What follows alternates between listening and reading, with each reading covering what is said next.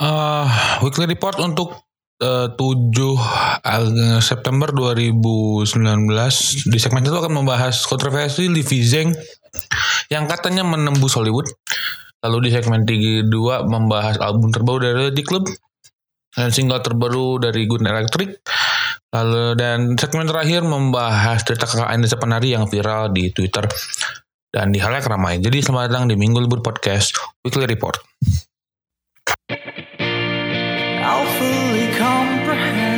Why the 21st of December rings heavy on my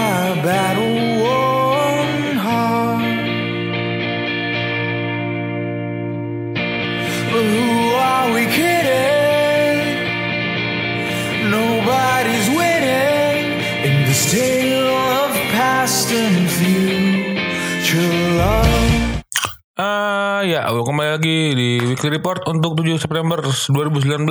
Anjir, ini udah masuk akhir akhir bulan, awal bulan September. Eh mungkin banyak September awal September kemarin ada berbagai macam event kayak My Shinoda Jakarta, lalu nanti tanggal 15 eh, ada Playlist Live Festival. Eh Terus apa lagi ya? Si House of House juga yang ada eh ya, apa acaranya apa sih? Gue lupa namanya kayak gitu. Isinya adalah ada apa Serdendi ada komunal ada Zanzibar Opera ada Roof of banyak nih. Nah itu. Ada ada acara itu. Di Dagoti House. Banyak lah. Tanggal 12 nanti ada playlist kemarin ada Makinoda sekarang sekarang ada acara itu tuh yang tadi gue sebut Ah, kita ngobrol apa dulu nih? Kita ngomongin soal di dunia film karena gue belum Gundala, jadi gue uh, mengangkat, uh, jadi gue mengangkat apa ya? Uh, ini baru sih, apa uh, ada satu kontroversi di mana katanya uh, ada satu uh, perempuan yang uh, sineas muda uh, bikin film uh, Indonesia bikin film dan menembus uh, apa Hollywood dan katanya udah apa bersaing dengan beberapa film di Oscar. Namanya ada Livi Zeng. Kalau kalian nggak tahu Livi Zeng, kalian searching aja dan ikut bareng-bareng bareng gua. Mungkin kalau kalian ketinggalan soal apa namanya kasus ini, silakan uh, searching si nama ini Livi Zeng. Hmm, silakan anda mau marah-marah atau mau maki-maki silakan. Hmm, apa lagi? Paling apa ya? Karena kontroversi semacam ini agak gila sih karena uh, seperti masalahnya dia dekat dengan ini yang para pejabat. Foto dengan Yusuf Kala foto dengan Tito Karnavian foto dengan Ibu Hovifah Indah Parawangsa terus foto sama siapa gitu ketua DPR kalau nggak salah itu adalah uh, untuk mempromosikan filmnya. Apa bisa uh, si Liv ini bisa katanya me, dekat dengan uh, si pejabat-pejabat tinggi ini? Katanya dia ada satu ada karena dia anaknya yang punya uh, kemayoran dulu katanya. Ada satu hotel kemayoran kalau nggak salah. Dia punya itu dan ternyata fakta-faktanya yang dikuak oleh Tirto, respect berat Tirto, uh, dia tuh apa namanya tuh uh, sangat-sangat apa ya dia, dia punya sangat-sangat nepotisme banget karena uh, Sun and Moon Films yang katanya dia bekerja di situ itu adalah milik Mbak Lili. Mbak Lili adalah ibunya Livi Zeng pertama.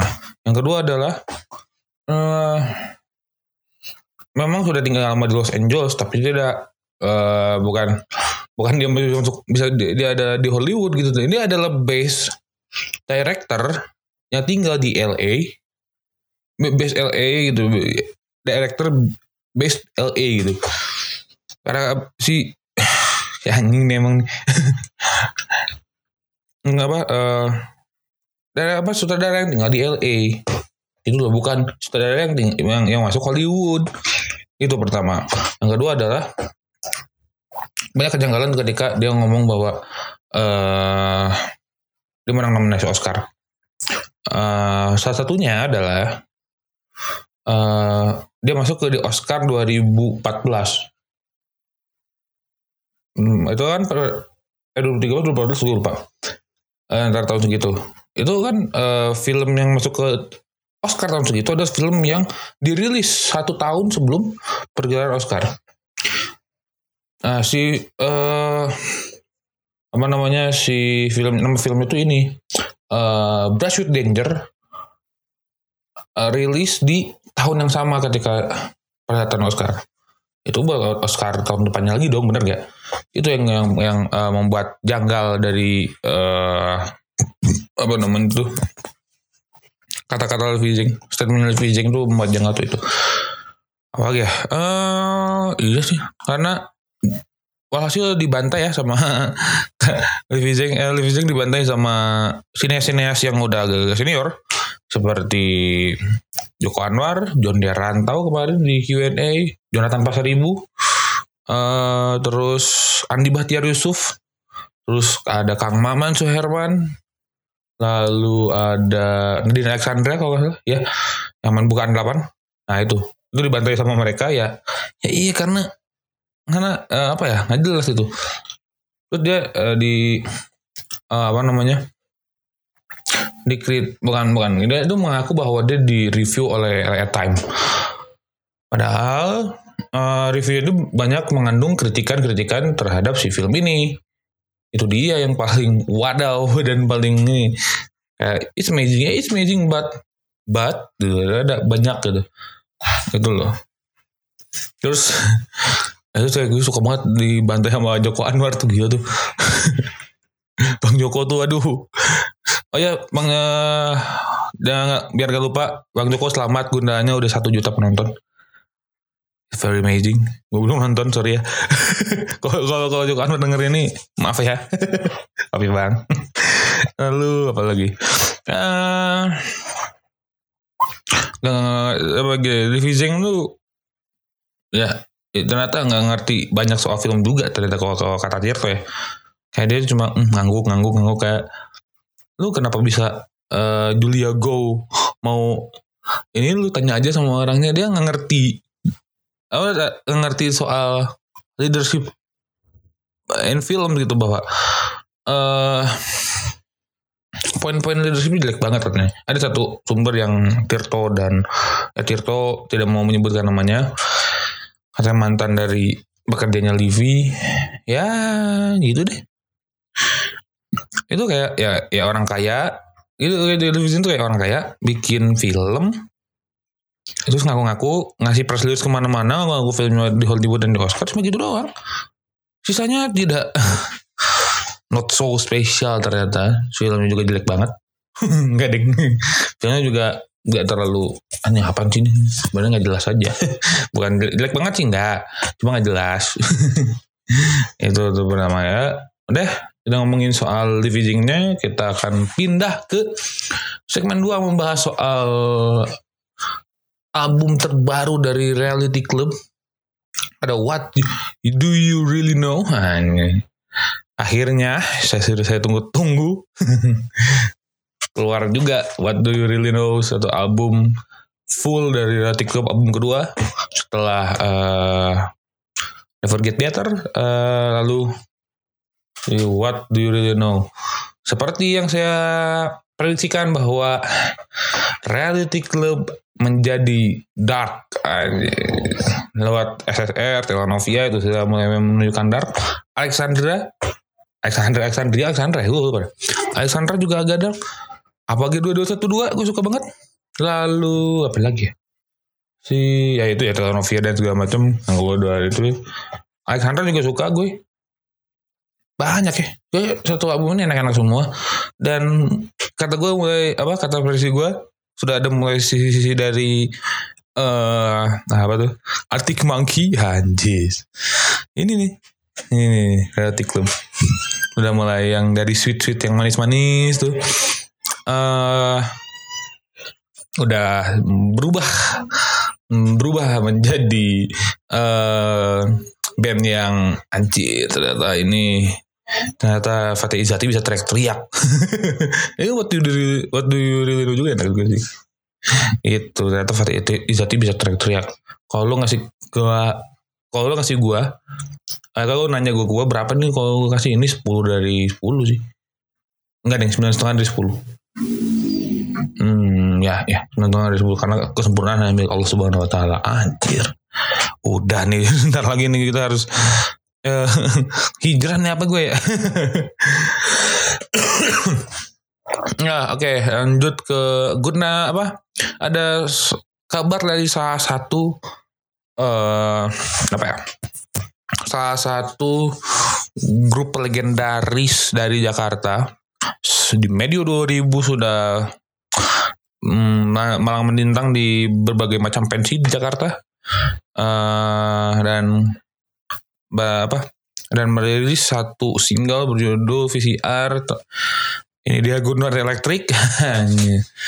Eh, kalau nggak tahu Gunnar Electric itu terdiri dari tiga orang Om Leo eh, lalu Henry Batman Foundation dan Bondi Good Boy. Nah ini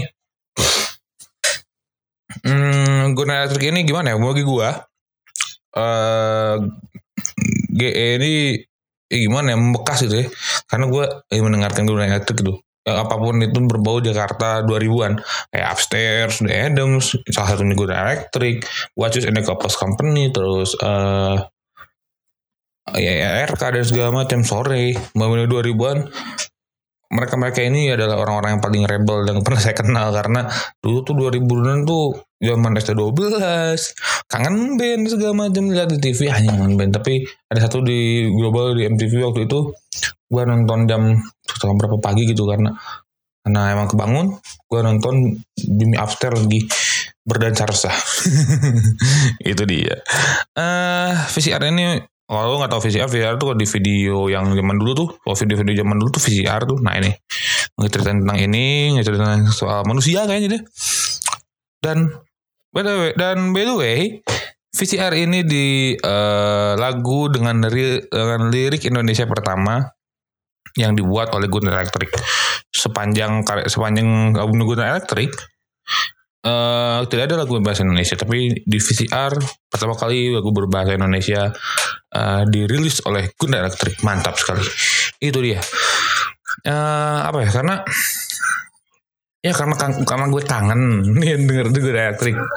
Gitu setelah Electronic Renaissance kemarin gue tahun kemarin nonton eh akhirnya Gunnar Electric bikin single lagi. Suka gue ini suka banget favorit banget karena satu karena kangen karena dua emang enak aja. Dan ketiga adalah perasaan apa ya perasaan yang anjir aneh gini sebenarnya. Bukan aneh ya unik gini. Ba- Batman biasanya ngomong, apa nyanyi bahasa Inggris nih Batman. Tapi sebenarnya ini bahasa Indonesia sih itu yang paling gue kaget. Udah sukses terus untuk Reality Club tadi eh dengan What You Really Know. Dan juga Guna Electric dengan VCR-nya Eh, semoga eh tetap terus berkarya dan eh mengeluarkan hal-hal baru yang positif lagi dari kalian semua. Eh gue ngomong ngomongin segmen 2 tuh banyak sebenarnya. Kayak kema apa? Baru banget efek rumah kaca bikin bikin single, single namanya apa tuh batu pokoknya tiba-tiba batu gitu. itu. Terus apa lagi ya? Eh ya itu sih paling itu doang sih yang yang, yang gue tahu ya. Soalnya ntar lagi nanti minggu depan kita akan membahas banyak tulisan-tulisan lagi. Eh oh ya satu lagi sih Aldian Rizjat nah Aldian Rizjat tuh baru rilis ah, single juga kalau nggak salah. Eh ya nanti kita di minggu depan ah, akan membahas si dua itu kalau di segmen kalau di segmen film mungkin gue kayaknya udah nonton Gundala dan segala macam eh atau nonton Once Upon a Time in Hollywood apa pun itu akan gua akan gua review nanti. Eh oke sih gitu dong ya. Kita rehat dulu sejenak ke segmen terakhir nanti ngebahas soal KKN Desa Penari yang viral. Jadi kita rehat dulu sejenak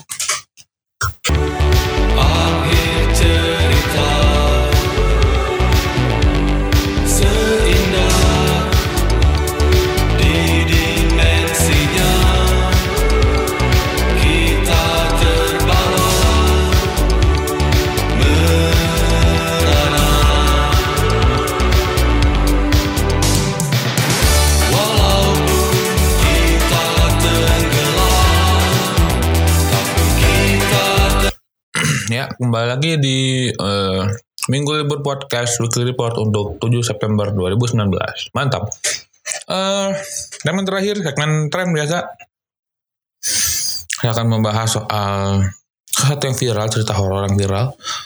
Eh, KKN Desa Penari. KKN di Desa Penari.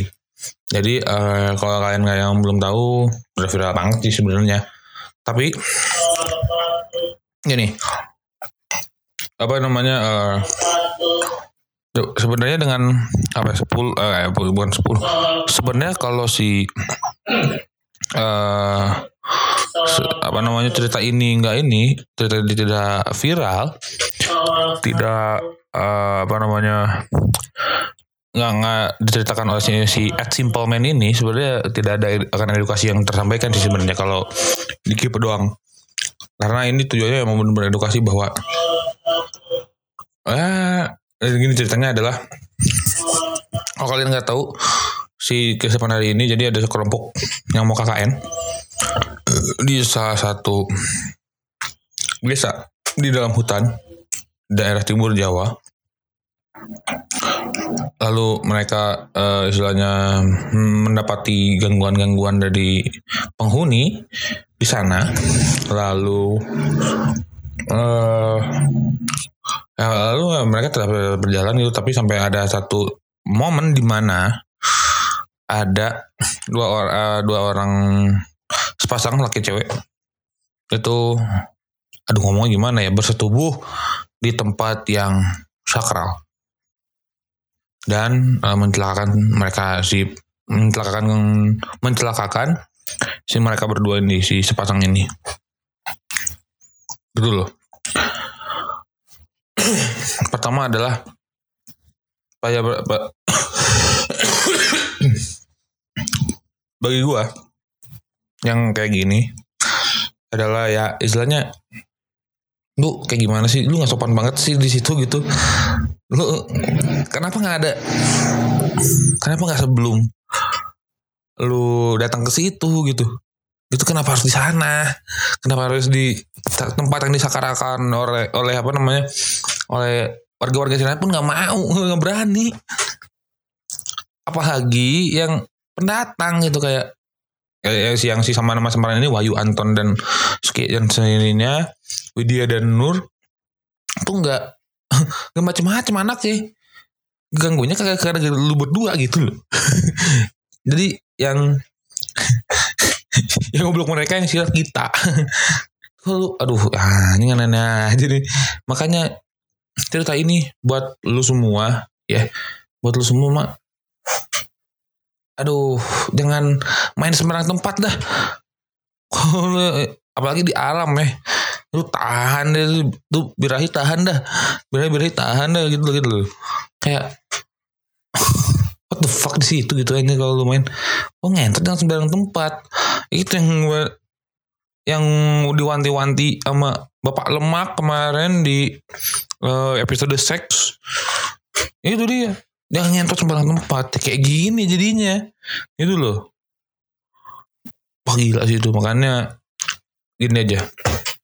Udah dari konklusi dari gue mah gampang. Gampang konklusi dari gue mah kalau soal kayak gini mah.